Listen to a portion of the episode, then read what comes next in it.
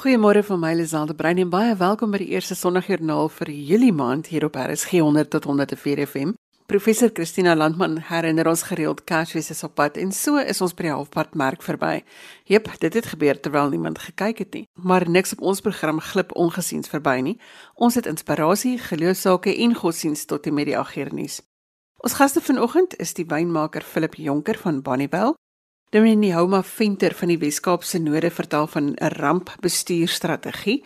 Denise Pieterse en Steven Fortuin kom gesels met ons oor die Sarepta gemeente in Kuilsrivier en ons gaan hoor van Stacy Philant en Luciana Albertus van Elsies Rivier. Dis ook met 'n swaar hart dat ons vanoggend hulde bring aan Annelies Wit wat 'n keer op wat saamgesels het op Sondagjoernaal. Sy gaan ons herinner aan die krag van stories. Jy hoef niks mis te loop nie, want jy kan Sondagjoernaal as 'n potgooi gaan luister op RSG se webwerf of jy kan dit op jou rekenaar aflaai by rsg.co.za. Ons gaste se kontakdetail is ook daar te kry. Ons is vir die wat nie 'n radio het nie, ook op DStv se audiokanaal 813. En as jy op Facebook is, kan jy ons gaan soek by Sondagjoernaal en dis met 'n koppelteken geskryf. Daar's heelwat detail van die program daar gelaai.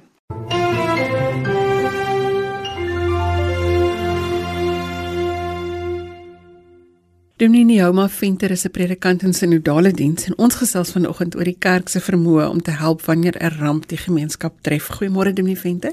Goeiemôre Lisel en luisteraars ook.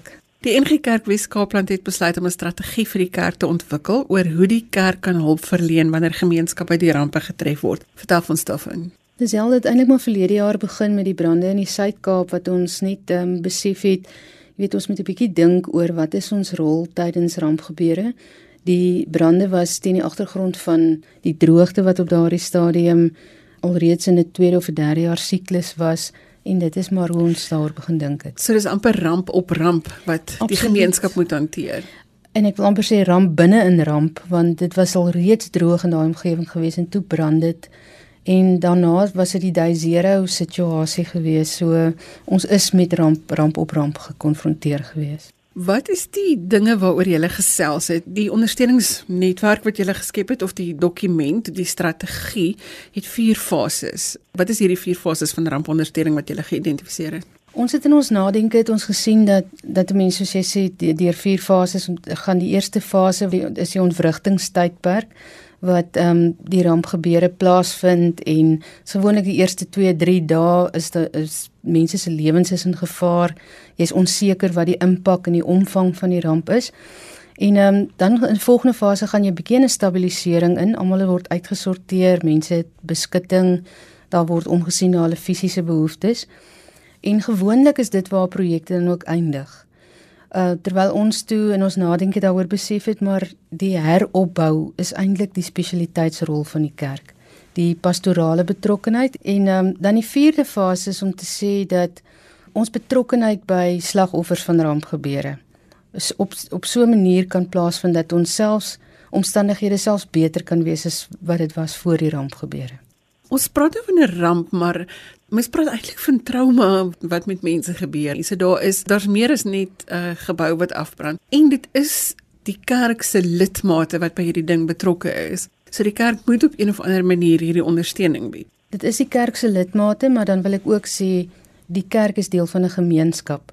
En ons is in 'n gemeenskap, ons is deel van 'n gemeenskap. So selfs in rampgebeure Um, ons maak nie onderskeid wie's lidmaat en wie's nie lidmaat nie. Ons is deel van 'n gemeenskap. En dan moet 'n proses wees om te help. So wat is die lesse wat jy in die proses geleer het? Uh, wel ons het begin om eers net teologies ook daaroor te dink en um, die vrae wat mense vra tydens rampgebeure dat daar se uiteenlopende uh, spektrum van vrae wat mense vra, hulle verstaan van God in hierdie gebeure. Ehm um, maar dan ook die wat is die unieke plasing van die gemeente of van 'n binne 'n gemeenskap is die, die feit dat jy elke Sondag het jy 'n geleentheid om mense uit die gemeenskap bymekaar te hê in 'n erediens. En ek dink een van die lesse wat ons geleer het is dat die erediens 'n um, 'n waardevolle plek is of 'n waardevolle rol kan speel tydens die of kom ons sê maar dan in die in die ondersteuning van van gemeenskappe wat deur krisisse gaan. Ek kan 'n voorbeeld noem, ehm um, die gemeente in Nysna het vier temas geïdentifiseer wat hulle vier Sondae hanteer het. Die een het gegaan oor dapperheid en vrees tydens die brand. Uh die tweede tema om in die krisis van jou geliefdes geskei te wees. Uh die derde tema was om alles te verloor en die vierde tema om terug te kom na die nag en my huis staan nog. Jy weet en uh, ons het getuienisse rondom dit gereël. Ja. Dit is absoluut so relevant. In hierdie hele proses moet moes jy seker met mense praat. Jy het gekonsulteer en daar moet tog sekerlik stories vandaan gekom het oor wat hulle beleef het in hierdie tyd. Ons het 'n geleentheid gehad na die brande om 'n span van Bybel Media te stuur en mense nou op Bybel Media se se YouTube kanaal sê jy kon gaan kyk. Ons het vier stories wat ons genoem het impak stories opgeneem. Uh stories oor mense se omgee in in die tyd uh stories van individue wat absoluut alles verloor het en hoe hulle daaroor dink. Uh stories van mense wat um die bedreiging in die gesig gestaar het, maar hulle huis het bly staan, soms die enigste huis in 'n straat, hulle dankbaarheid en hulle verstaan daarvan en dan um ja, weer ek dink die vierde getuienis het ook maar gegaan oor mense se betrokkeheid by mekaar. Hoe word hierdie strategie nou aan gemeentes oorgedra? Die eerste belangrike ding van die strategie is om te sê dat van die van synodale kant af ons gemeente se hande wil sterk. So ons sal byvoorbeeld 'n noodfonds uh, daarstel, maar die fonds word dan altyd deur 'n gemeente gekanaliseer. Um, ons is in die proses om kursusse te ontwikkel om lidmate, dominees uh, toe te rus rondom uh, verstaan van rampgebeure en die hantering daarvan. En um, ons dink selfs daaraan om om koördineerders op te lei wat 'n mens vinnig sou kon instuur by 'n gemeente waar daar 'n ramp is om net die uh onmiddellike uh organisatoriese verantwoordelikheid uh, te help bestuur. Om jy af te sluit nou maar, wat sal die boodskap wees vir 'n gemeenskap wanneer 'n ramp hulle sou tref in watter vorm dit ook al mag wees. Dis dalk droogte op of dit is 'n brand of dit is water wat deur die dorp gespoel het. Wat sal die eerste ding wees wat jy kan aanbeveel wat hulle moet doen? Ek dink die eerste die belangrikste ding vir my wat ek tot nou toe geleer het is niemand mag tydens rampgebeure ervaar ek is alleen nie. So die onmiddellik ook selfs 'n gemeente mag nie ervaar ons is alleen nie ons moedig uh, gemeentes aan om by kom ons sê voorkomend bewus te wees van wat is ons plaaslike munisipaliteit se beleid rondom rampondersteuning. Elke plaaslike munisipaliteit het 'n rampplan. Vergewis jouself van daardie plan.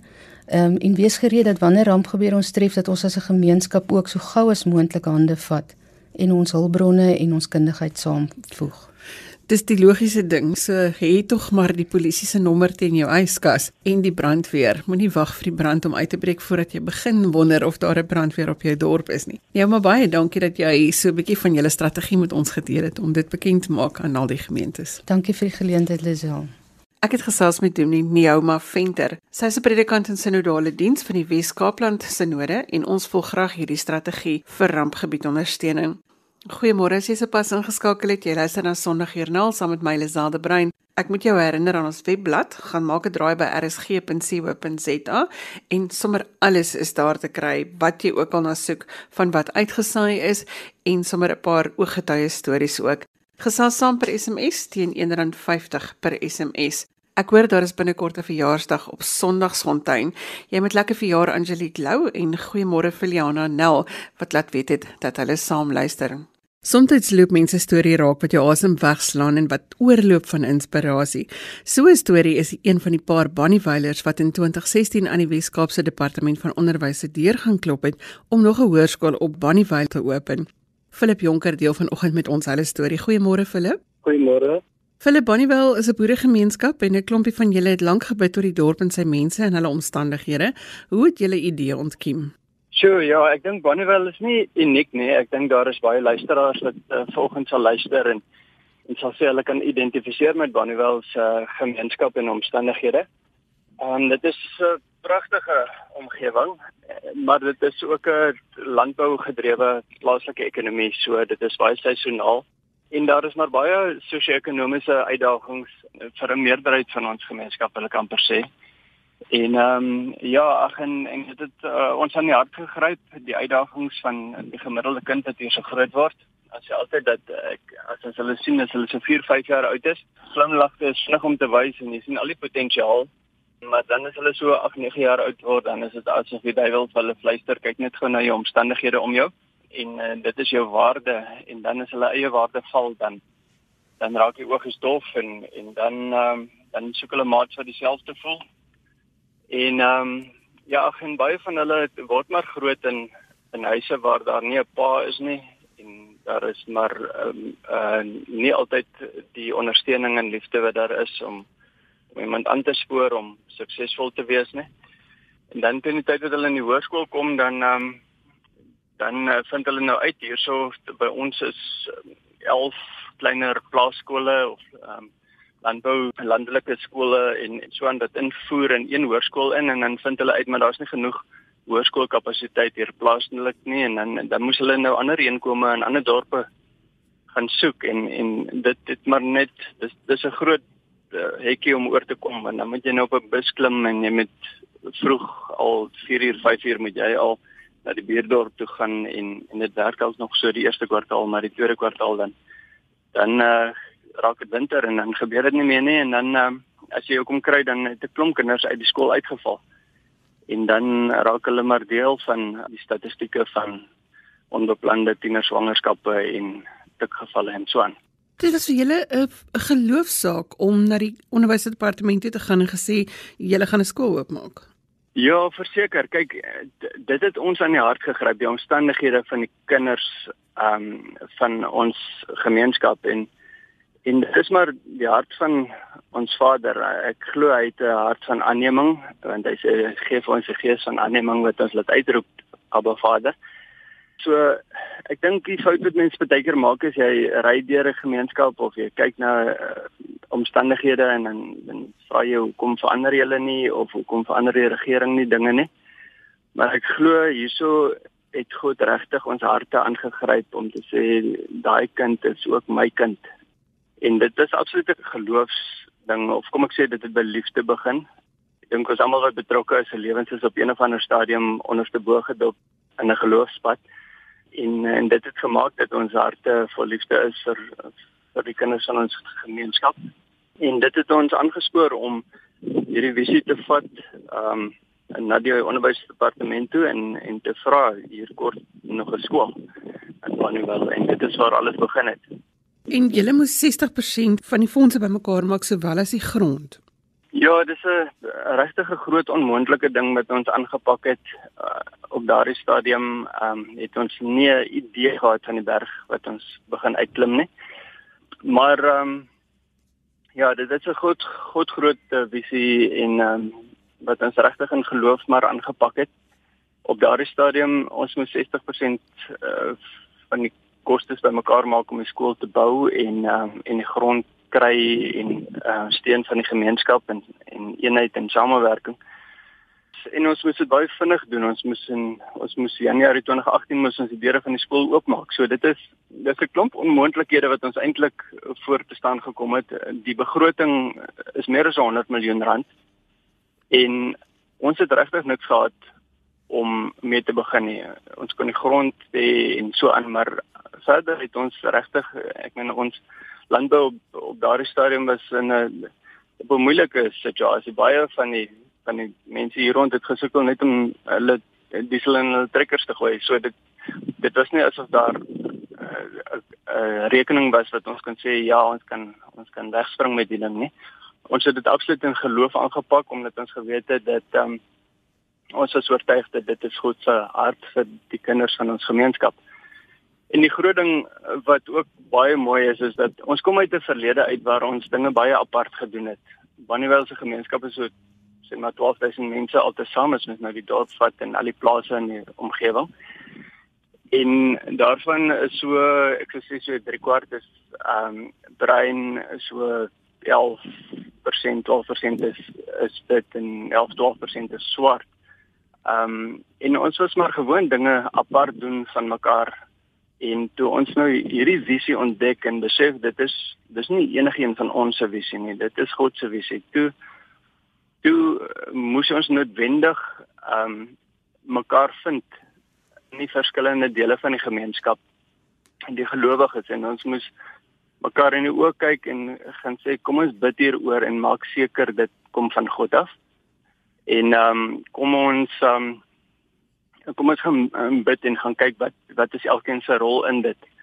En ehm um, so ons het in 2 jaar se tyd het ons so liefde vir mekaar ontwikkel. Ons het uh, ons het 'n gesin geword. Ons het ons het 'n uh, ehm um, ons het 'n familie geword en ehm um, en ons het 'n ding saam sien afspeel hier voor ons waarvoor niemand die eer kan vat nie. Dit is regtig waar God self en die hele gemeenskap het eintlik saam gesien hoe um, hoe hierdie ding voor ons uh, tot stand kom en uh, en ons is ek wil amper sê ons wat dag en nag met dit te doen het is net bevoorreg om in die voorste gestoelte te sit om te sien hoe goed gewerk het en in mense se lewens werk.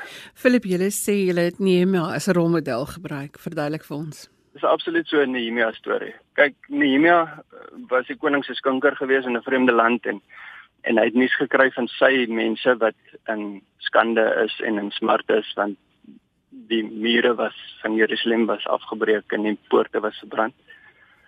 En ehm um, op dieselfde manier het ons net die omvang begin besef van hoe stukkend is ons gemeenskap en hoe blootgestel is hulle en veral die kinders ehm um, die werklike statistieke en die werklikhede begin besef van ehm um, van gebroke gesinsstrukture en 'n totale hooploosheid. Ek dink die meeste kinders word maar groot met 'n ma wat dalk swanger geword het ehm um, buite 'n huwelik of 'n gesinsstruktuur en en wat maar op 'n 'n kindertoelaag is. Um, en dis 'n oorlewingsstryd. Jy kan nie nog vra vra van wat gaan jy eendag word of wat is jou droom vir die lewe nie. Dis absoluut oorlewingsstryd en en die lewe is so teen jou en om vir daai kinders regtig 'n nuwe ding te probeer skep was was wat in ons harte was, maar ons het ook soos Nehemia het ons regtig niks gehad nie en soos hy gegaan het en na die koning toe ek dink hy hy hy het my eers op sy knieë neergeval en regtig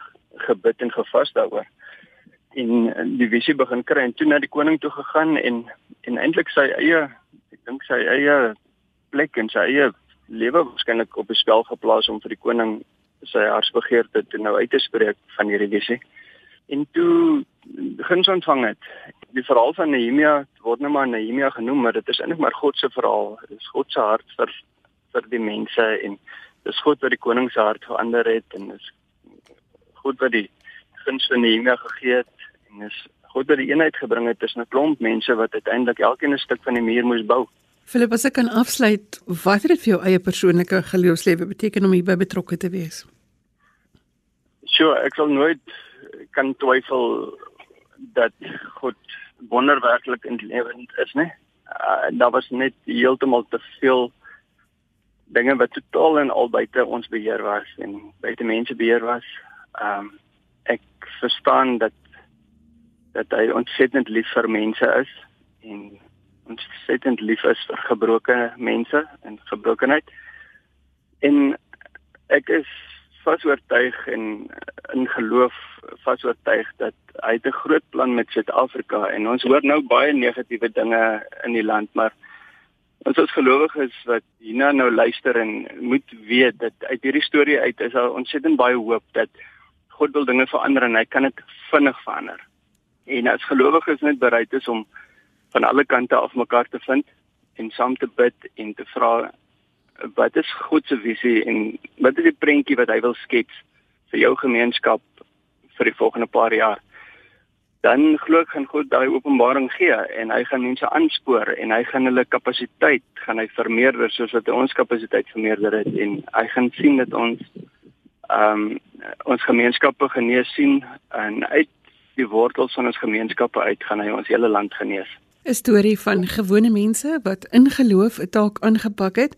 Daar staan 'n skool met meer as 240 leerders. Dit wys jou wat gedoen kan word. Philip baie dankie dat jy julle storie met ons gedeel het vanoggend. Baie dankie en baie seën vir julle. En so gesels Philip Jonker van Bonnievale. As ek sien wat hulle vermag, is daar vir waar nie 'n ek kan nie in hulle woordeskat nie en dit behoort ook nie in een van ons se woordeskat te wees nie. As jy sopas ingeskakel het, sê ek goeiemôre. Jy luister na Sondagjoernaal saam met Liselde Bruin.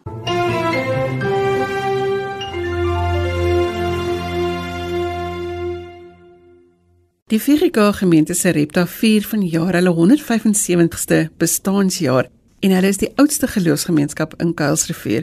Ek gesels vanoggend met Steven Fortuin en Denise Pieterse wat hier by ons in die ateljee is oor die gemeente. Goeiemôre Denise. Goeiemôre Lisel en luisteraars. Môre Steven. Goeiemôre Lisel en luisteraars.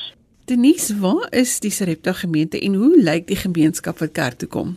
Lisel, Sarepta gemeente is geleë in Kuilsrivier, tussen Bellville en die strand op die ou strandroete in die noordelike voorstede van Kaapstad.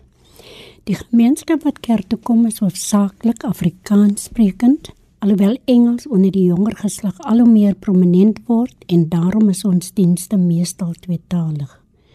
Die grootste persentasie lidmate is woonagtig oor die hele Kuilsrivier, omliggende plase met 'n klein aantal lidmate wat in die omliggende voorstede woon. Ons het 'n kerksaal in Silversands, een van ons buitewyke met ongeveer 400 lidmate.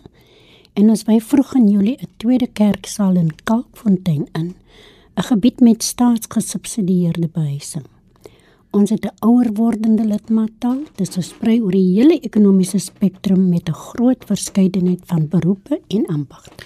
Ek en jy het voor die tyd gesels oor die aantal lidmate van die gemeente en jy het gesê dis meer as 2000. Ja, dis 2000 plus minus 2500. Dis 'n baie groot gemeente met twee leraars. Steven, waar het die gemeente sy ontstaan gehad? Lazel, die gemeente kan Kuilsrivier, die Figika gemeente Kuilsrivier strek terug so ver as 1829 toe die Rense Sending Genootskap besluit het om sendlinge na Suid-Afrika te stuur. Nou PD PD Lukhof, hy was die persoon wat eintlik die begin uh aangedui het hier in Suid-Afrika omdat hy 'n groep sendlinge na Suid-Afrika gekom het en veral in Stellenbosch onder vrygestelde slawe 'n uh, prediking gedoen het. Nou hoewel die fokus Stellenbosch was, het Lukhof sy arbeidsveld ook na Sarepta en Jamestown, 'n gebied binne in Stellenbosch, uitgebrei. Nou hier op Sarepta het Lukhof reeds bekeerlinge aangetref waarvan een was moeder Jana van der Berg. Nou moeder Jana van der Berg was 'n belangrike persoon in ons gemeente. Nou Lukhof begin om eredienste in Sarepta te hou vanaf die 1830s en hy was later bygestaan deur Eduarde Eslen. Nou Eslen het 'n belangrike rol gespeel.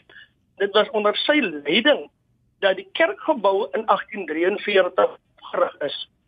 Nou ons moet onthou dat die 1843 is 'n belangrike datum vir die gemeente want dit was beskou as die stigtingsdatum van die gemeente. Hoewel soos aangelê daar reeds voor 1843 eredienste gehou was maar die begindatum van die kerk se ouderdom reeds begin in 1843. Nou op daardie stadium was Arepta slegs 'n wijk van Stellenbosch gemeente. Dit is nou tussen 1843 en 1862. Dit was eers in 1862 dat Arepta 'n volwaardige gemeente geword het met Johannes Raad as die eerste voltydse leraar. Nou, daar was 'n redelike groei in die lidmaattaal. Teen 1874 reeds was die lidmaattaal 150 lidmate, maar teen 1921 was daar al reeds 1471 lidmate. Ons moet onthou dat die lidmate in Tilsrivier self gewoon nie, hulle het ook gewoon in omringende gebiede. Nou hier dink ons veral aan gebiede soos Kraaifontein, ons dink aan Rywensmeet, ons dink aan Eerstrivier. Dit is gebiede waar hierdie lidmate gewoon het en dan het ons ook lidmate gehad soos dit nuus aangedui het wat op die buitewyke of wat ons noem die plase gewoon het en dit het totaal opgemaak. Nou 1947 gesel was 'n belangrike jaar in die geskiedenis van die gemeente, 'n baie moeilike jaar omdat Rense Sending Genootskap het besluit om sy werksamehede in Suid-Afrika te beëindig. En dit het alles saamgeval met die Tweede Wêreldoorlog met Duitsland wat die vyand van die geallieerdes was en die sendelinge in Suid-Afrika het onder geweldige druk gekom. En die Rense Sending Genootskap het voor 'n keuse gekom wat maak hulle met hierdie gemeentes? Daar is toe besluit dat hierdie gemeentes van die Rense gemeente van die Rense sending genootskap ingeskakel moet word by die NG Kerk. En dit het geweldige vrae laat ontstaan in Sarepta byvoorbeeld. Want nou moet hierdie gemeente oorgaan na 'n genootskap wat hy nie ken nie. En dit het veroorsaak dat gemeentevergaderings, kerkraadsvergaderings, ander gesprekke plaasgevind het oor waar jy nou met hierdie gemeente. Daar is uiteindelik besluit dat die dat kunstfees gemeente wel gaan inskakel by die NG by die NG Kerk. En in 8, in 1953 is Sarepta amptelik lid geword van die NG Kerk, maar is toe ingelei by die NG Sending Kerk en het lid geword van die ring van die strand. Nou met naamsverandering van baie dinge plaas want in 1994 het Sarepta weer 'n nuwe moederliggaam gekry. Want die NG Sending Kerk en die NG Kerk in Afrika en die verenigende gereerde kerk. Derhalwe moes hierdie Reinse gemeente wat toe 'n sending gemeente geword het, word nou die verenigende gereformeerde kerk. So dis 'n kort disel die geskiedenis van die uh verenigende gereformeerde kerk tot en met 1994. 175 jaar is 'n baie lang tyd. Hoe het die gemeente oor die jare verander? Dis al die gemeente het geweldig verander in die sin dat ehm uh, hy moes van sy buitewyke afstand doen. Die wyke het selfstandig geword in Eelstrivier, in Pyfontein en in Ravensmead. Die gemeente moes afstand doen van sy skole en die fokus het toe geword net Sarepta en Kuilsrivier. Dit beteken die gemeente het gefokus op sy 2500 lidmate en vandag die 850 gesinne as ook die 22 wyke wat versprei was oor hierdie gebied. Denise, julle vier Mandela Dag ter ere van die kerk se 175ste bestaanjaar, wat gaan julle doen? Lasaal, die kommissie vir gemeente die diakonaat, bestaande uit 8 spanne en waarvan ek die voorsitter is, het besluit om hierdie jaar iets spesiaals te doen vir Mandela Dag. Dit vind plaas op die 21ste, die Saterdag, vanaf 9 tot 12 uur. Ons het drie areas geïdentifiseer, naamlik medies, regte en die onderwys. Uit die mediese veld het ons vier spesialiste. Aller gaan praat oor allergieë by kinders. Vroeë teken, die tweede een vroeë tekens van ernstige siektes, die derde tuberkulose en die vierde een vroeë kinderontwikkeling. Hier gaan ons groep sessies hê met vrae en antwoorde. Daar gaan 'n tandarts wees wie slegs op kinders gaan konsentreer en om dit meer interessant te maak, is daar gesigverf en inkleurboeke om hulle besig te hou. Twee professionele verpleegkundiges gaan bloeddruktoetse doen, glikose toetse en BMI toetse vir die wat belangstel. Dan gaan ons ook hê 3 dalk 4 fisioterapeute wie besoekers op hul gebied gaan adviseer. Op die regsveld gaan ons het groepsessies. Die prokureur wie spesialiseer in testamente gaan daar wees, as ook 'n spesialis op die gebied van testamente want ons het in die gemeente op 'n vroeër uit geleentheid uitgevind dis 'n groot uh, behoefte. Dan het ons ook nog 'n regspersoon om algemene regsvrae te vra. Ons gaan 'n maatskaplike werkster daar hê wat beskikbaar gaan wees vir vrae. Dan het ons onderwysafdeling Hier het ons besluit om te spesialiseer op leerondersteuning met die klem op lees en wiskunde. Sy sal ouers van raad bedien en wenke gee wat hulle tuis kan doen om hul kind te help. Ons gaan ook 'n opname doen van ouers en leerders wie belangstel om vanaf volgende kwartaal deeltyds in ons kerk sal na skool hulp te verleen aan hierdie kinders en hier gaan ons uh, afgetrede onderwysers uh, betrek. Ons gaan 'n uitstalling hê deur College of Cape Town, maar nou moet ek net sê in Bellville is daar ook so 'n soort gelyke college. Ons het net vir hulle genader. Ons fokus is op die graad 9 leerders wie in die komende kwartaal natuurlik hulle vakke moet kies, maar alle leerders is welkom om te kom. Laastens dan, Repta Quilters is ook geaffilieer met die diakonaat en hulle gaan 'n uitstalling hou. Dit gaan ons program wees vir die dag. Die mense gaan die program ontvang wanneer hulle daar kom en ons nooi almal uit om te kom. Uh, uh, die hele gemeenskap is welkom, nie net men mense wat in ons kerk behoort nie. Nou ja, dit is hoe kerke verskil. Maak is baie opgewonde oor al daardie onderwerpe wat julle by die dag gaan aanbied. So mense kan net opdaag. Daar's nie 'n nommer wat hulle moet bel of bespreek of dit gaan hulle niks kos nie. Hulle kan net kom en deel word van die gemeente se Ja, vieringe die dag. Alles is gratis. Ons gaan natuurlik so 'n soppie en 'n broodjie verkoop vir die dag. Ons bied gratis tee en koffie aan.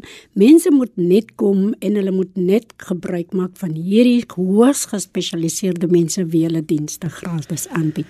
Geloof in aksie. Denise, baie dankie dat jy kom saamgesels het. Steven, baie dankie vir die inligting wat jy vir ons gegee het oor die gemeente. Ons kan hoor jy het lekker navorsing gedoen oor hierdie 175 jaar. Baie dankie vir die saamgesels vanoggend. Baie dankie vir die Baie- geleentheid. Baie dankie.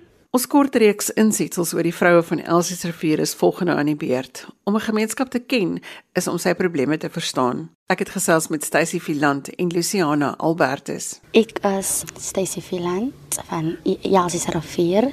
Ek bly nou al baie lank daar, van kleins af. Ek het 'n ma en 'n pa en drie susters. En ek hou van uitgaan en kerk gaan. Ek is baie oor die kerk dinge en my huisomstandighede is nie nou meer dit gewees het nie, soos voorheen nie, maar um deur die Here se genade is ons nog standig. En um wat geloof vir my beteken is dat was dit vir sy genade en het ek nog nie in hom geglo nie, dan sou ek vandag hier gesit het nie. En vanmiddag besef ek uh, dat um die Here dra ons deur. Het dit maak nie saak waar die ons gaan nie. Soms keer dan dit lyk dit amper so um dat um die Here het ons verlaat en dat sy's alleen mense hulle kom nie na jou toe nie, hulle gee nie om vir jou nie, maar in hy stille tyd en as jy so sit en dan as al sy nou net sien hier daag 'n persoon op, maar dan is dit laat daai tyd is wat die wat die Here nou sy hand aan jou omgee en soms kere en dan soos ek ek is 'n jong dame, ek het ek het klomp dra drome wat ek wil bereik en um as ek dink dat ek sal dit kan bereik as ek nie die Here raadpleeg nie en in alles wat ek wil doen en wil graag wil bereik, moet ek eers dat die Here raadpleeg in wat ek doen want die Bybel sê mos dat geloof is 'n vaste vertroue op dinge wat ons mos hoop en dit daarom um weet ek dat die Here sal alles voorspoedig maak. Ek het by die half in die half se tak, die kerk se naam is die oppersaal. My boodskap sal wees dat um ek het ook al so gevoel al. Baie kere veral toe um ons huis omstandighede besig om afdraand te gaan het. En toe het ek gevoel, ja, ek het nooit gedink dit sal my in ons gebeur nie. En toe besluit ek dat my ma is in 'n eie wêreld, my susters is ook in en niemand gee om vir my nie en ek is diep seer gemaak en toe voel ek so as die uitweg om my le- lewe te vat. Maar die rede hoekom ek nie verder daaraan gedink het is dat as die Here van my gedra het tot nou toe, hoekom kan hy my nie verder nog dra nie? My naam is Luciana Albertus. Ek woon in Elsesrivier. Bietjie oor my omstandighede. Ek is die derde van vyf kinders. En my ouers is um, ouers wat ge- wat glo in God en hulle is bekeer en soos pastore en ek op die ouderdom van 17 het ek swanger geword en dit was vir my baie teleurstellend vir my ouers ook omdat hulle nie vir my as so kan gesien het hulle wou gehad het. Ek moet ook my pad met God regmaak en la, en in die jare het ek 'n besluit gemaak dat ek wil nie die fout wat ek gemaak het vir my dogtertjie eendag wou hê nie. So ek het ook maar die regte besluit gemaak en besluit om God aan te neem in my lewe En wat 'n verskil maak dit vir jou Luciana in jou omstandighede? Brount dit het my 'n baie groot verskil gemaak want om te weet dat ek nou nie deelneem in wêreld se daaglikse goed wat jong mense wil self in bevind die net die feit dat ek daardie keuse gemaak het is regtig 'n groot verskil vir my want ek weet nou dat ek wandel in die regte pad. So ja, Jy werk met kinders. Wat 'n verskil maak dit vir jou? Dit bring vir my 'n groot verskil van nou weet ek ook dat hoe ek in groot word, watter omstandighede maak dat die kind op op op, 'n sekere manier optree en soos ek wat nou myself ou dogtertjie het, ek kan nou vir haar verseker dat sy ook in 'n goeie omstandighede kan opgroot raak sodat sy ook op skool nie soos daardie anders wees nie, maar ook om uit te staan uit die omst uit daai omstandighede uit. Ek vanoggend het ek baie geleer. Ek het geleer dat 'n mens se probleem nie eintlik nie eintlik vir 'n mens regtig baat. Ek dink jy kan uit jou probleem uit uitstyg deur net miskien 'n pen en 'n papier te vat en die lyne te trek. So ja, die oplossing kom net deur die lyn se punt by hom by die ander punt te bring. My boodskap sal wees: vat die pen en die papier, teken die lyn en op 'n van die dag sal jy die prentjie sien en daardie prentjie sal sal vir jou daardie bemoediging vir jouself bring. En as jy ook bietjie afvoel en voel dat die lewe nie meer vir jou die moeite werd is nie slaan na die Bybel die Bybel bring vir vir 'n mens baie boodskappe daglikse boodskappe wat 'n mens se geestelike lewe ook begin kan voed. En in, op 'n van die dag kan jy ook aan jouself groei deur net die pen en die papier te vat. My versie wat ek baie graag aan vashou in die Bybel as Psalm 119 vers 9 wat sê waarmee sal die jongeling se pad suiwer hou alleenlik deur dit te hou deur die woord van die Here. So ja, dit is my versie wat ek vashou.